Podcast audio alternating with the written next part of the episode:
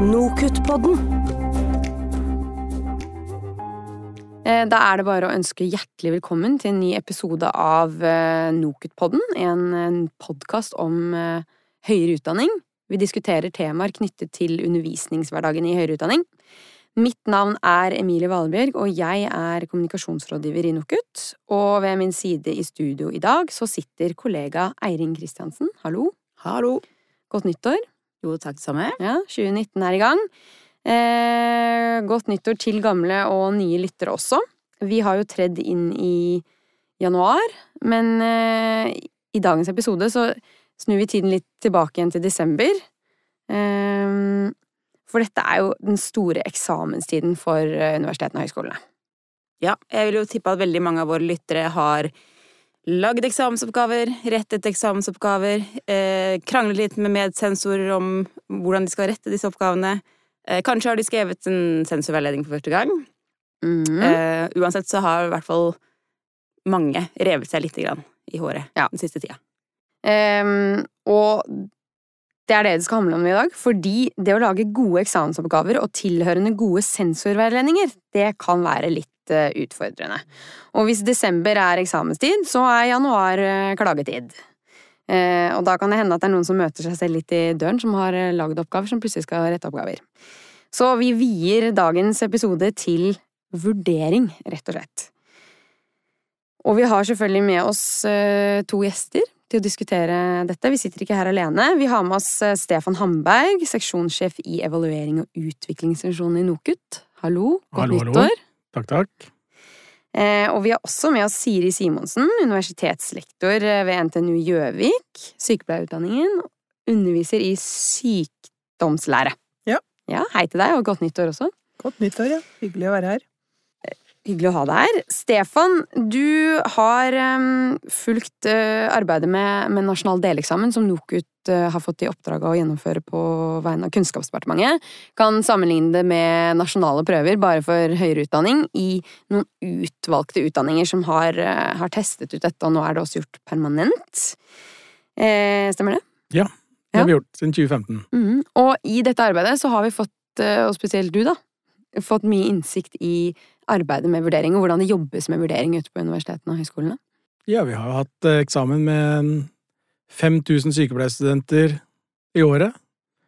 Og 2000 lærerstudenter, så det er klart vi har mye eksamensmateriale og mye vurdering som eh, går gjennom NOKUT som de ikke har gjort før. Så det, der har vi mye, Ny innsikt. mye erfaring å bygge kunnskap på. Mm. Eh, og hva er det som er viktig å ha fokus på, eller liksom ha tunga rett i munnen på, når man skal lage eksamensoppgaver ut ifra hva dere har sett blant annet gjennom arbeidet med nasjonal deleksamen? Ja, nå kan vi tenke oss, Hvis vi da i hovedomgang snakker om eksamen som blir gitt i januar, eller i, i desember, så snakker vi i hovedsak om summative vurderinger. Så det er greit å holde, holde tunga rett i munnen. Og, og en summativ vurdering skal jo måle eller vurdere studentenes kompetanse og ferdigheter. Så det er liksom det første, første poeng her. Eh, og et spørsmål da er jo hvordan gjør man det på en rettferdig måte? Og så er det klart, det er ikke bare gjennom erfaring vi har gjort det, vi har jo ansatt folk i NOKUT som er veldig dyktige på testteori og den type ting. Eh, Så de har også gitt oss mye innsikt i, den jobben de har gjort. Men hvis vi tenker på to kanskje tommelfingerregler, en, en kort podkast vi, eh, vi kan snakke om som er, som er gode, gode tommelfingre å ha i, i bakhodet, så er det det å snakke om rettferdighet. Hva er en rettferdig oppgave? Og når vi snakker med sektoren generelt, eller folk i sektoren, og spør hva er en rettferdig oppgave, eller NOKUT-medarbeidere hva er en rettferdig oppgave, så sier folk for eksempel at alle studenter skal ha lik mulighet til å gjøre det bra, eh, man skal ikke kunne jukse, studenter må ha, til og med de svake studenter må ha mulighet til å vise fram hva de kan, etc., etc., etc. Og da sier vi ofte at ja, det er korrekt, men vi tenker rettferdig på en annen måte, vi tenker på hva gjør oppgavene rettferdige.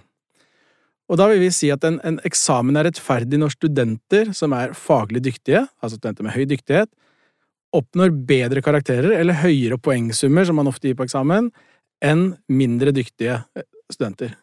Det er rettferdighet. Altså oppgaver som skiller mellom eh, gode og mindre gode Ja, studenter. Ja. Og hver oppgave bør skille mellom gode og mindre, eller dyktige og mindre dyktige studenter. Og det er klart at hvis hvert poeng, hvis man tenker hvert poeng i en eksamen, eller hver karakter som deles ut i en, som en del, en del av en eksamen, så skal det bidra til hele tiden at gode studenter eller dyktige studenter oppnår høyere karakterer eller poengsummer. Og når vi gjør det, så kaller vi det diskriminering. Vi skal ikke bruke mye faguttrykk her, men vi diskriminerer mellom dyktige og mindre dyktige studenter. Mm. Og det skal oppgaven gjøre. Og den type tanke har noen implikasjoner. Hvordan skal vi da vurdere? Det krever da at man har oppgaver som man kan finne gode vurderingskriterier for å sensurere. Man skal skille, En oppgave skal skille mellom sterke og svake studenter når man lager oppgaver og sensorveiledninger. Eh, og gjerne også middels. ikke sant? Det en, vi vi har flere kategorier av studenter. Noen er veldig dyktige, noen er litt mindre dyktige, og noen er kanskje ikke så veldig dyktige eller så veldig godt forberedt. Man kan tenke seg andre ting enn enn dyktighet. Mm. Og oppgavene og vurderingskriteriene som man skal vurdere etter, må kunne skille mellom disse her. Eh, og noen av de utfordringene vi har sett, spesielt gjennom nasjonal deleksamen, men også når vi ser på eksamensoppgaver som ligger på nett, det er at en sensorveiledning forteller veldig ofte hva som skal til for at student skal få toppkarakter. Mm. Men så gir den jo kanskje flere poeng, eller man kan få A til F, eller man kan få fem poeng eller null poeng. Men hvis man bare sier hva man kan, hvordan man får fem poeng, så gir det veldig masse mulighet for sensorene til å selv tenke gjennom ja, hva skal til for å få fire poeng, eller en B, eller tre poeng, eller en C. Så egentolkning, rett og slett. Ja, Mm. Så det vi sier, er at det er viktig å beskrive hvert av disse vurderingskriteriene. Hva skal til for å få A? Dette er et godt svar. Hva skal til for å få B? Dette er et mindre godt svar, men det skal inneholde disse tinga. Hva skal til for å få C? Det skal inneholde disse tinga. Og det fjerner mye av den ofte man tenker på som skjønn. Altså, ikke sant? For vanligvis så kunne man tenke seg at en sensor ville gitt B på en oppgave som ikke var perfekt, men en annen ville kanskje gitt D til og med. Jeg skal kanskje illustrere det etter hvert med, gjennom noen eksempler også. Og så er det Så det er liksom de to hovedpoengene. Kriteriene, vurderingskriteriene og rettferdighet. Oppgavene skal skille mellom gode og svake studenter. Og så er det én kort ting vi bare skal, skal nevne, og det er at en oppgave bør jo kun spørre om én ting. At vi bør ikke splitte opp, ha ett spørsmål som faktisk spør om flere forskjellige ting, for det blir veldig vanskelig å vurdere. Og det er også noe vi kan, vi kan eventuelt komme tilbake til med et eksempel. Ja, fordi at eh, vi kan komme tilbake til det med en gang, eh, Stefan. Fordi det som er veldig fint, er jo at eh, vi skal prøve å gi et helt konkret eksempel her gjennom et case som faktisk ble gitt til sykepleierstudenter i, nasjonal deleksamen, var det i 2017? Ja. Eh, og dette er altså et, eh, en oppgave som du, hvor man skal eh, kunne svare på ting i, i forbindelse med puls, som eh, viser bruken, eller snarere ikke bruken, av disse tommelfingerreglene når man har lagd oppgavene. Ja, jeg skal tenker vi kan bruke det eksempelet på, Ja. på hvordan disse prinsippene eller tommelfingrene burde fungere. Kjør i gang. Og dette er en eksamen fra høsten 2017 som Siri også var med å lage og har sensurert og skrevet sensorveiledning til. Det er noe vi kjenner, eh, kjenner rundt bordet her, og som mange som lytter på, kjenner til også sikkert. Og, og spørsmålet som studentene måtte svare på, det er jo hva Altså, de fikk et spørsmål, det var beskriv hva som menes med puls, og nevn normalverdier for puls i hvile hos voksne. Og studentene fikk beskjed om at dette spørsmålet kunne gi inntil to poeng. Mhm. Og det er to ut av 100. Oppgaven gir 100 poeng totalt. Eh, Og så er det en sensorveiledning som følger med til alle sensorene, og den sensorveiledningen den høres ut som dette. Puls er en trykkbølge som brer seg langs, langs arterien som følge av hjertets kontraksjon. Og det er da svaret på første delen. Og den andre delen så er normalverdi for hvilepuls hos voksne er ca. 60-8 slag per minutt. Og så kommer det en liten parentes på slutten av sensorveiledningen som sier at man kan utvise skjønn når det gjelder svarene på normalverdier for puls. Og så er det hva, hva slags skjønn man kan utvise, det, det er jo interessant, og det kan vi, kan vi se litt på. Ja, Hva er det som er problematisk med disse oppgavene? Jo, så hvis vi tar den, den siste tommelfingerregelen, at man skal ikke dele opp en oppgave, eller man skal, man skal dele opp oppgaver, og ikke spørre flere ting, så er det det at denne oppgaven spør både om en definisjon, beskriv hva som menes med puls, og en ting som går på bare nevn en normal hvilepuls hos en voksen person. Det gjør det jo, det er to forskjellige ting vi måler, da. Det er to forskjellige ting vi spør om. Eh, og det er én utfordring. Eh, men hvis de da tenker på om dette her er, om det er tydelige vurderingskriterier her, så kan vi tenke oss at man får en, en, en, definisjon på puls, og det er dette med kontraksjon av hjertet. Ikke sant? Det er, det er definisjonen. At det, det, så er det trykkbølge. Det er liksom fagspråket som står tydelig i, i, i sensorveiledninga. Og så må man anta at hvis man svarer på det første delspørsmålet, så er det ett poeng. Kan man den definisjonen, skal man få ett poeng. Mhm. Eh, Men hva hvis man skriver på en mer hverdags, Hvis en student svarer på et mer hverdagslig språk? At hjertet, det slår 60 slag Eller er, puls er hvor mange slag hjertet slår i minuttet. Eh, skal man få poeng for det? Ifølge sensorveiledning, hvis man leser den bokstavelig, så skal man jo ikke det. Eh, men er det en helt naturlig greie? Det, det, er vanskelig å si. Vi så at mange studenter vi har gått gjennom og sett på sensuren, mange studenter fikk et poeng for å bruke hverdagslig språk. Mm. Og noen fikk det ikke. Selv om det ikke sto i sensorveiledningen. Ja, mm. for der har da sensorene da tatt det skjønnet og sagt at ja, men dette er en god student, i hvert fall de kan jo noe av det. Kanskje har de skrevet noe om systolen og sånn òg. Ikke sant? De kan skrive ut andre ting også. Så det er, ene, det er, det ene, spørsmålet. Det andre spørsmålet, som går på puls, altså anormal hvilepuls, der, der, er det noen som har svart 60 slag. Noen har slag, skrevet 60-80 slag. Og begge får ett poeng. Og noen ganger får den som bare svarer ett tall, 60, ikke intervall, får ingen poeng. Men det er ikke helt tydelig hva dette intervallet er. Hva hvis du svarer 70 til 90? Der får du sikkert to poeng. Så det, er litt sånn vanskelig. De vurderingskriteriene er ikke så veldig tydelige. Så det vi har gjort, er at vi har splitta opp disse spørsmålene. Og hvis vi tenker på dette med vurderingskriterier og diskriminering, er disse spørsmålene gode. Så vi tar det første spørsmålet. Beskriv puls. Vi kan vel tenke oss kvalitativt, når vi lager oppgaver, kan vi tenke kvalitativt gjennom disse oppgavene. Kan vi skille gode, svake og middels gode studenter på et sånt spørsmål? Det tror jeg vi kan. En god student kan fagspråket. Det er en trykkbølge, hjertet kontraherer en middels student kan si det har noe med hvor mange at hjertet kontraherer og dytter blod ut i, i kroppen. Altså, man kan tenke seg hverdagslivsspråk. Det er kanskje verdt ett poeng, mens kan du fagspråk, er det to poeng. Kan du ingen av de, så får du null poeng. Mm. Så det, her kan vi godt tenke oss kvalitativt at den oppgaven diskriminerer. Og da har vi tydelige vurderingskriterier. Pulsspørsmålet, hvor mange slag, det er litt vanskeligere å se for seg at skal diskriminere. For jeg kommer til Jeg kan ingenting, egentlig, jeg har ikke lest pensum, men jeg har da tatt pulsen i en time jeg var på skolen, eller på høyskolen. Jeg husker jo at det var Jeg talte 15 sekunder, og så målte jeg. Ja, men da tar jeg bare pulsen på meg sjæl, da. Så jeg som er den da svake studenten, jeg greier jo akkurat ta pulsen på meg sjæl. Ja, den er 70, men jeg er jo litt nervøs, det er ikke helt normalt. Ja, da er den vel rundt 60-70-80, da. Så svarer jeg riktig. Og den gode studenten trenger jo ikke gjøre det, han sier bare 60-80, eller hun sier bare 60-80 slag. Så oppgaven diskriminerer veldig lite, da. Mm.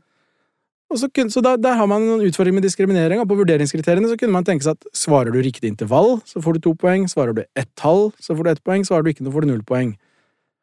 Men det vi har gjort, altså vi har også testa dette, og vi ser at disse oppgavene er veldig forskjell.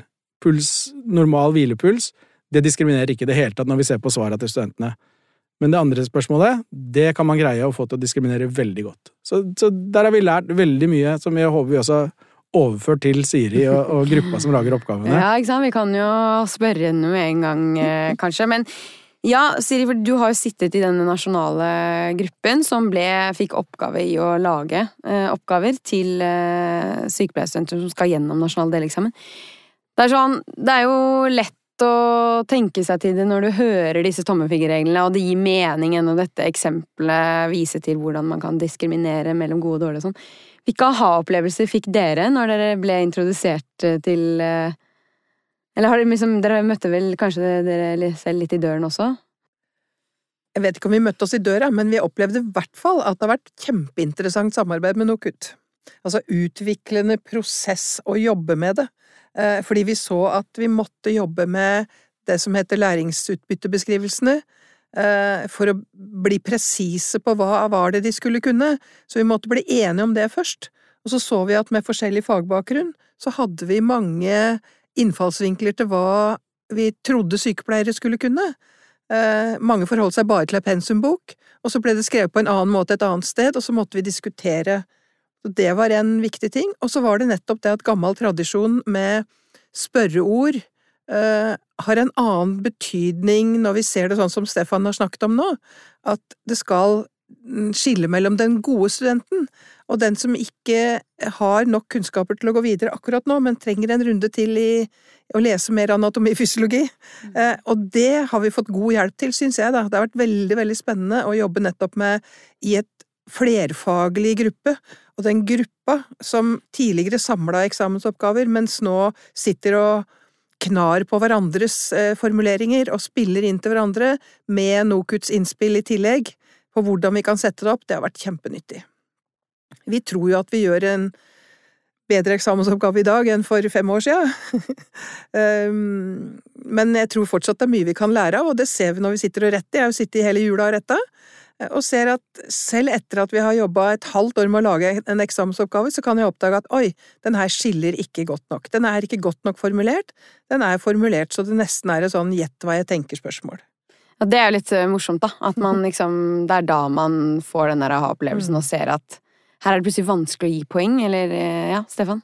Men skriver dere Man kan tenke seg at man, hvis man jobber med, med vurderingskriteriene nesten først, eller i hvert fall sammen, samtidig så Hvis man skriver sensorveiledning, om ikke først, i hvert fall veldig samtidig, så ser man kanskje i det man skriver sensorveiledninga, at ja, her greier vi kanskje ikke å skille. Jeg vet ikke om dere gjør det, eller om dere skriver oppgavene først, og så går dere tilbake og prøver å utvikle sensorveiledning til hver av de oppgavene dere, dere Eh, lager? I begynnelsen så var det helt klart at vi lagde oppgavene først og så sensorveiledninga, basert på da forskjellige typer pensumbøker, mens nå har vi læringsutbyttebeskrivelsen og bruker det som et utgangspunkt for hva vi tenker er sentrale spørsmål.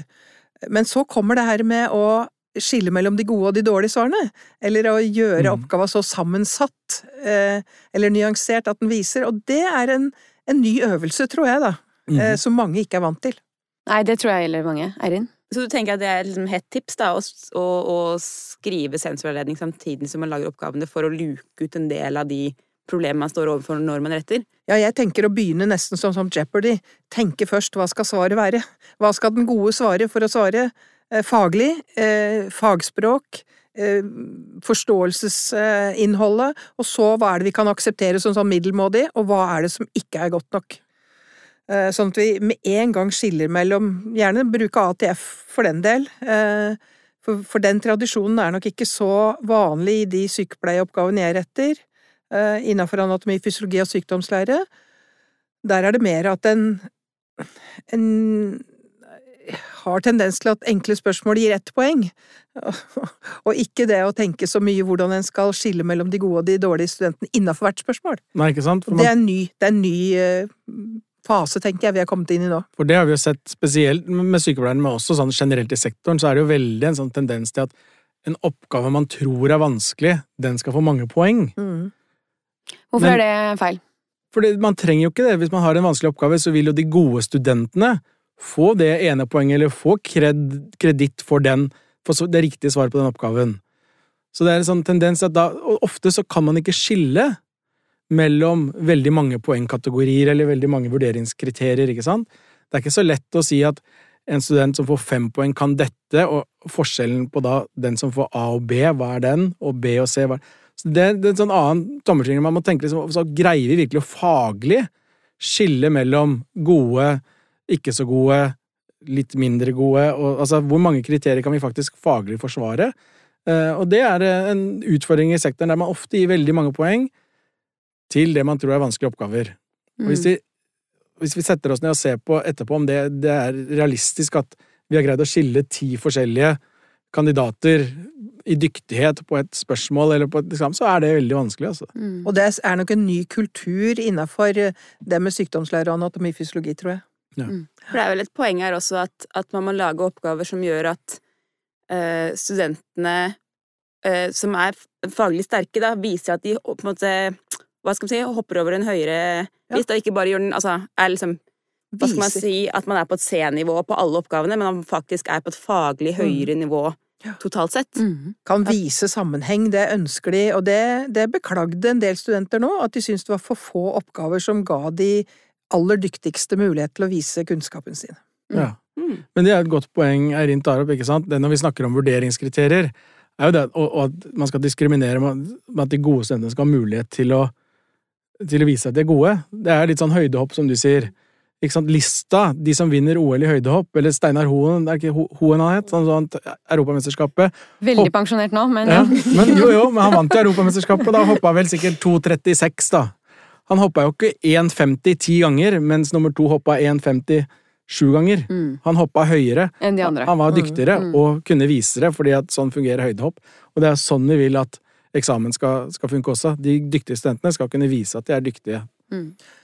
Og det er jo det interessante som jeg syns jeg har hørt fra den NOKUT-innspilla til gruppe, arbeidsgruppa, det er nettopp at hvert spørsmål gjerne skal favne den muligheten, og ikke bare totalsette. Jeg tror det er en, en, litt annen måte å se det på, at vi har vært vant til at det er hele settet som sådan skulle skille mellom de gode og de dårlige i poengsum til slutt, og Mhm. ikke i kunnskapsnivå på samme måten. Mm. Mens det er viktig å kunne jobbe inn at hvert enkelt spørsmål skal vise eh, kompetanse for den gode, og for den som ikke er tilstrekkelig.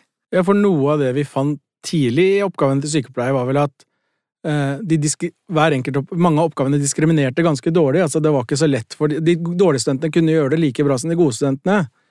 Eh, og da er det jo faktisk bare at de som får best karakter, har hoppa over den samme lave lista flere ganger. De har ikke vist at de er faglig dyktigere til slutt. Kunne det, gitt bestått og ikke bestått på der kunne man kanskje gjort det, ja. Eirin, eh, du nevnte jo i starten her at kanskje har du skrevet eh, sensorveiledning for første gang, for det er jo nå om det er innført, eller om det skal innføres nå gjennom er. UH-loven, er innført. Nå skal det altså være skriftlig sensorveiledning i alle emner. Eh, vil Dette er et spørsmål til hele bordet. Vil Tror dere at oppgavene vil bli bedre av at man nå har skriftlige sensorveiledninger? Det kommer an på. Ja, det kommer an på. Det kommer veldig an på. Jeg får sensorguider, eh, som jeg kaller det, fra skoler hvor jeg retter, og syns de er helt håpløse. De er bare kopi fra ei bok. Nei, det kommer veldig an på. Man må applisere tommelfingerreglene. Man må Ja. bruke tommelfingerreglene. Mm. Og en må tenke at den gode skal kunne vise seg fram, hva, den, hva en forventer at den eksellente studenten skal vise, og en skal forvente hva som er minimum for i hele tatt få bestått på oppgave. Det kan jo tenkes likevel at det setter i gang noen refleksjoner, da, hvis man ikke har hatt sensorveiledning i emnet før. Eirin?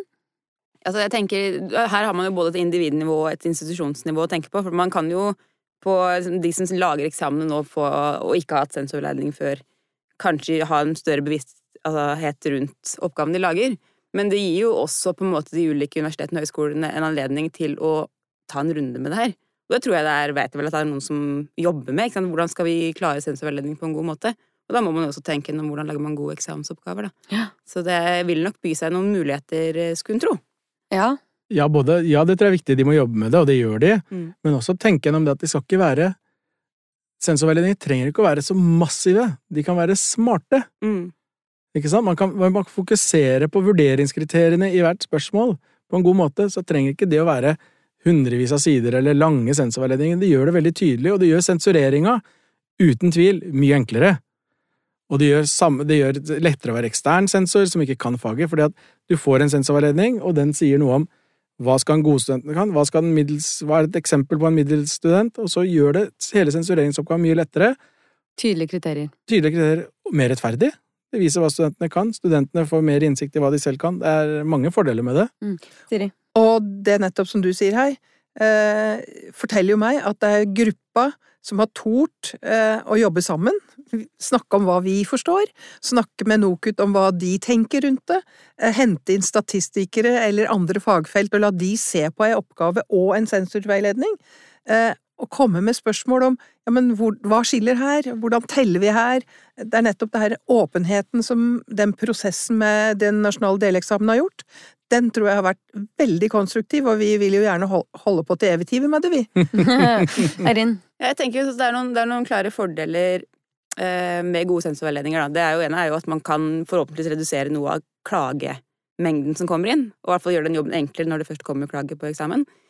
Eh, og så er det jo at hvis du har gode sensorveiledninger, så vil du kanskje også oppdage i større grad der hvor det er kunnskapshull for studentene. Altså du kan bruke eksamensoppgavene dine, gå gjennom de og se hva var det vi ikke traff på undervisninga, og så på en måte gjøre en bedre jobb på undervisningstida i neste Altså sånn, ta tak i de tingene som man ikke fikk til det ene semesteret, i neste semester. Ja, det og det som kanskje var intensjonen bak nasjonal deleksamen også, i neste omgang, at man skal benytte eksamensresultater inn i forbedring av undervisning. Ja, det er klart at hvis man tenker og bruker disse tommelfingerreglene, ikke deler opp spørsmål der man spør om to ting, man gjør disse tingene, så er det klart vi kan, eller man kan selv, hvem som helst kan gjøre det, enkelt sette opp en oversikt over studentene, og så, så kan man se da, hvor har de gjort det bra, hvor har de gjort det dårlig, og så kan du ta med deg det inn i, inn i arbeidet ditt. Ja, våre studenter, de var faktisk ganske svake på anatomidelen, men de gjorde det god på fysiologidelen, eller de var gode i en del av statsvitenskap og svakere i en annen del av statsvitenskap. Og så kan vi tenke hva er det vi bør gjøre i der vi gjorde det svakere? Er det noe vi bør endre i utdanninga eller undervisninga for å styrke det? Så det er masse formativ informasjon i en eksamen som man veldig ofte, tror jeg, går glipp av, fordi at jeg tror Jeg har selv lang erfaring med, med retting. Det er, sjelden, det, er ikke, det er ikke sjelden jeg har lagt eksamensbunken rett i skuffen og aldri sett på den igjen. Mm. Bare kjapt også reklamere for en tidligere episode som, der vi var på besøk hos medisinmiljøet eh, på UiO, som fikk Utdanningskvalitetsprisen i 2016, var det vel? Åh, oh, nå vet jeg ikke om jeg sier feil. Jeg tror det var 2016. Mm, men, eh, men, eh, og de fikk faktisk prisen nettopp for uh, måten de retter og gir tilbakemelding på eksamen på, som er veldig spennende. Den kan dere høre i arkivet. Siri? Ja, for det, det, er jo noe som jeg håper vi seinere kan diskutere i NOKUT òg. Det er jo nettopp hvordan kan vi pedagogisk eh, bruke det materialet vi sitter med i dag? Mm. Hvordan kan vi bruke den erfaringa, og hvordan kan vi samarbeide videre for å lage det gode pedagogikken? For det er jo det spennende som vi ikke har kommet så veldig under huden på enda, tror jeg. Mm. Vet ikke om Nokutai. har. Mm. Det det, så det kommer. Det kommer forhåpentligvis, men vi kan jo bare da på en måte snakke avslutningsvis litt rundt dette med eh, at nå for eksempel kan det hende at det åpner seg et vindu gjennom at det skal skrives sensorveiledninger. Eh, hvordan skal vi jobbe med bevisstgjøring? Eh, Siri, har du noen tanker der? Eh, tar du med deg det du har lært for eksempel i den nasjonale gruppen tilbake igjen til ditt din institusjon, eller? Veldig. Og jeg ønsker meg jo flere sykepleierlærere som også tør å diskutere det, for det har blitt en spesialist Eh, ideal at det er en fysiolog, en, eh, en, som forsker i anatomi, eh, en lege med høy forskerkompetanse, istedenfor å også få med i referansegruppa for eksempel flere sykepleierlærere som sier men hva er relevant, fordi det er ikke sikkert at den kjærligheten til et spesielt smalt fag mm. er det som er det hensiktsmessige for denne fagkategorien. Mm. og den, den, trenger vi å diskutere seinere. Eh, så både innhold og liksom utforming. Ja. Stefan, hva tenker du? Hvordan skal NOKUT nå på en måte øse av sin uh, kunnskap? Ja, hvordan skal vi gjøre det? det er klart, Nå er jo dette en, blitt en permanent oppgave fra Kunnskapsdepartementet. Uh, og til nå så har jeg vært veldig fokusert på å, å produsere resultater. Kvalitetssikre eksamen som allerede blir gitt. Men vi tenker nå på at vi har et utviklingspotensial utover i sektoren, så det er det vi kommer til å satse på framover. Og da da gjør vi mye. Vi kommer til å, å ha begynt allerede å lage en, en egen webside som kommer på nokut.no, som vil gå gjennom mange av disse tommelfingerreglene og gi litt tips her og der på hvordan man skal tenke rundt det. Det er noe vi jobber med. Eh, vi vil uten tvil gjøre flere eh, analyser på nasjonale deleksamene, som også vil være faglig fokusere på eksamensoppgavene, som folk som er spesielt interessert, kan se og lære mye av ved å lese. Og så i første gang skal vi nok ha en vurderingskonferanse i, i løpet av året, der vi, vi, ønsker å invitere folk fra de som har hatt nasjonal deleksamen, men også andre, for å være med inn og diskutere dette mer og prøve å, å spore litt begeistring og, og, og, få folk til å, å, se at dette kan være nyttig og jeg tror over tid eh, effektiviserende og besparende, faktisk, på tid både for de som lager eh, eksamensoppgaver, og de som eh, sensurerer, spesielt sensureringsbiten. Mm. Forhåpentligvis også denne podkasten med på å bevisstgjøre, men også på en måte få med den delen av det som har kommet ut av nasjonal deleksamen, da. For det er jo ikke alltid at uh, Nasjonal deleksamen har jo ikke alltid hatt det så veldig positivt uh, fortegn av mange grunner. Men det kommer også veldig mye kunnskap ut av disse prosjektene, som vi håper nå at flere kan nyte godt av, da. Absolutt. Jeg tror at vi har uh, Jeg tror vi nesten setter streket der. For det var Jeg tror vi har kommet oss gjennom det meste. Og så få lov til å reklamere for NOKUT-konferansen 16. januar, altså i morgen går fristen for å melde seg ut, nei, melde seg på konferansen. Det er en konferanse om, eh, om utdanningsledelse. Gå inn på NOKUT.no og sjekk ut programmet. Det er et veldig spennende program, og pass på å melde dere på. Eh, konferansen er 31. januar. Så det er fortsatt tid, hvis man forter seg. Mm. Så vil jeg takke dere alle sammen. Selv takk. takk Stefan, Siri, ja, Eirin også. For at dere kunne være med. Nokutpodden.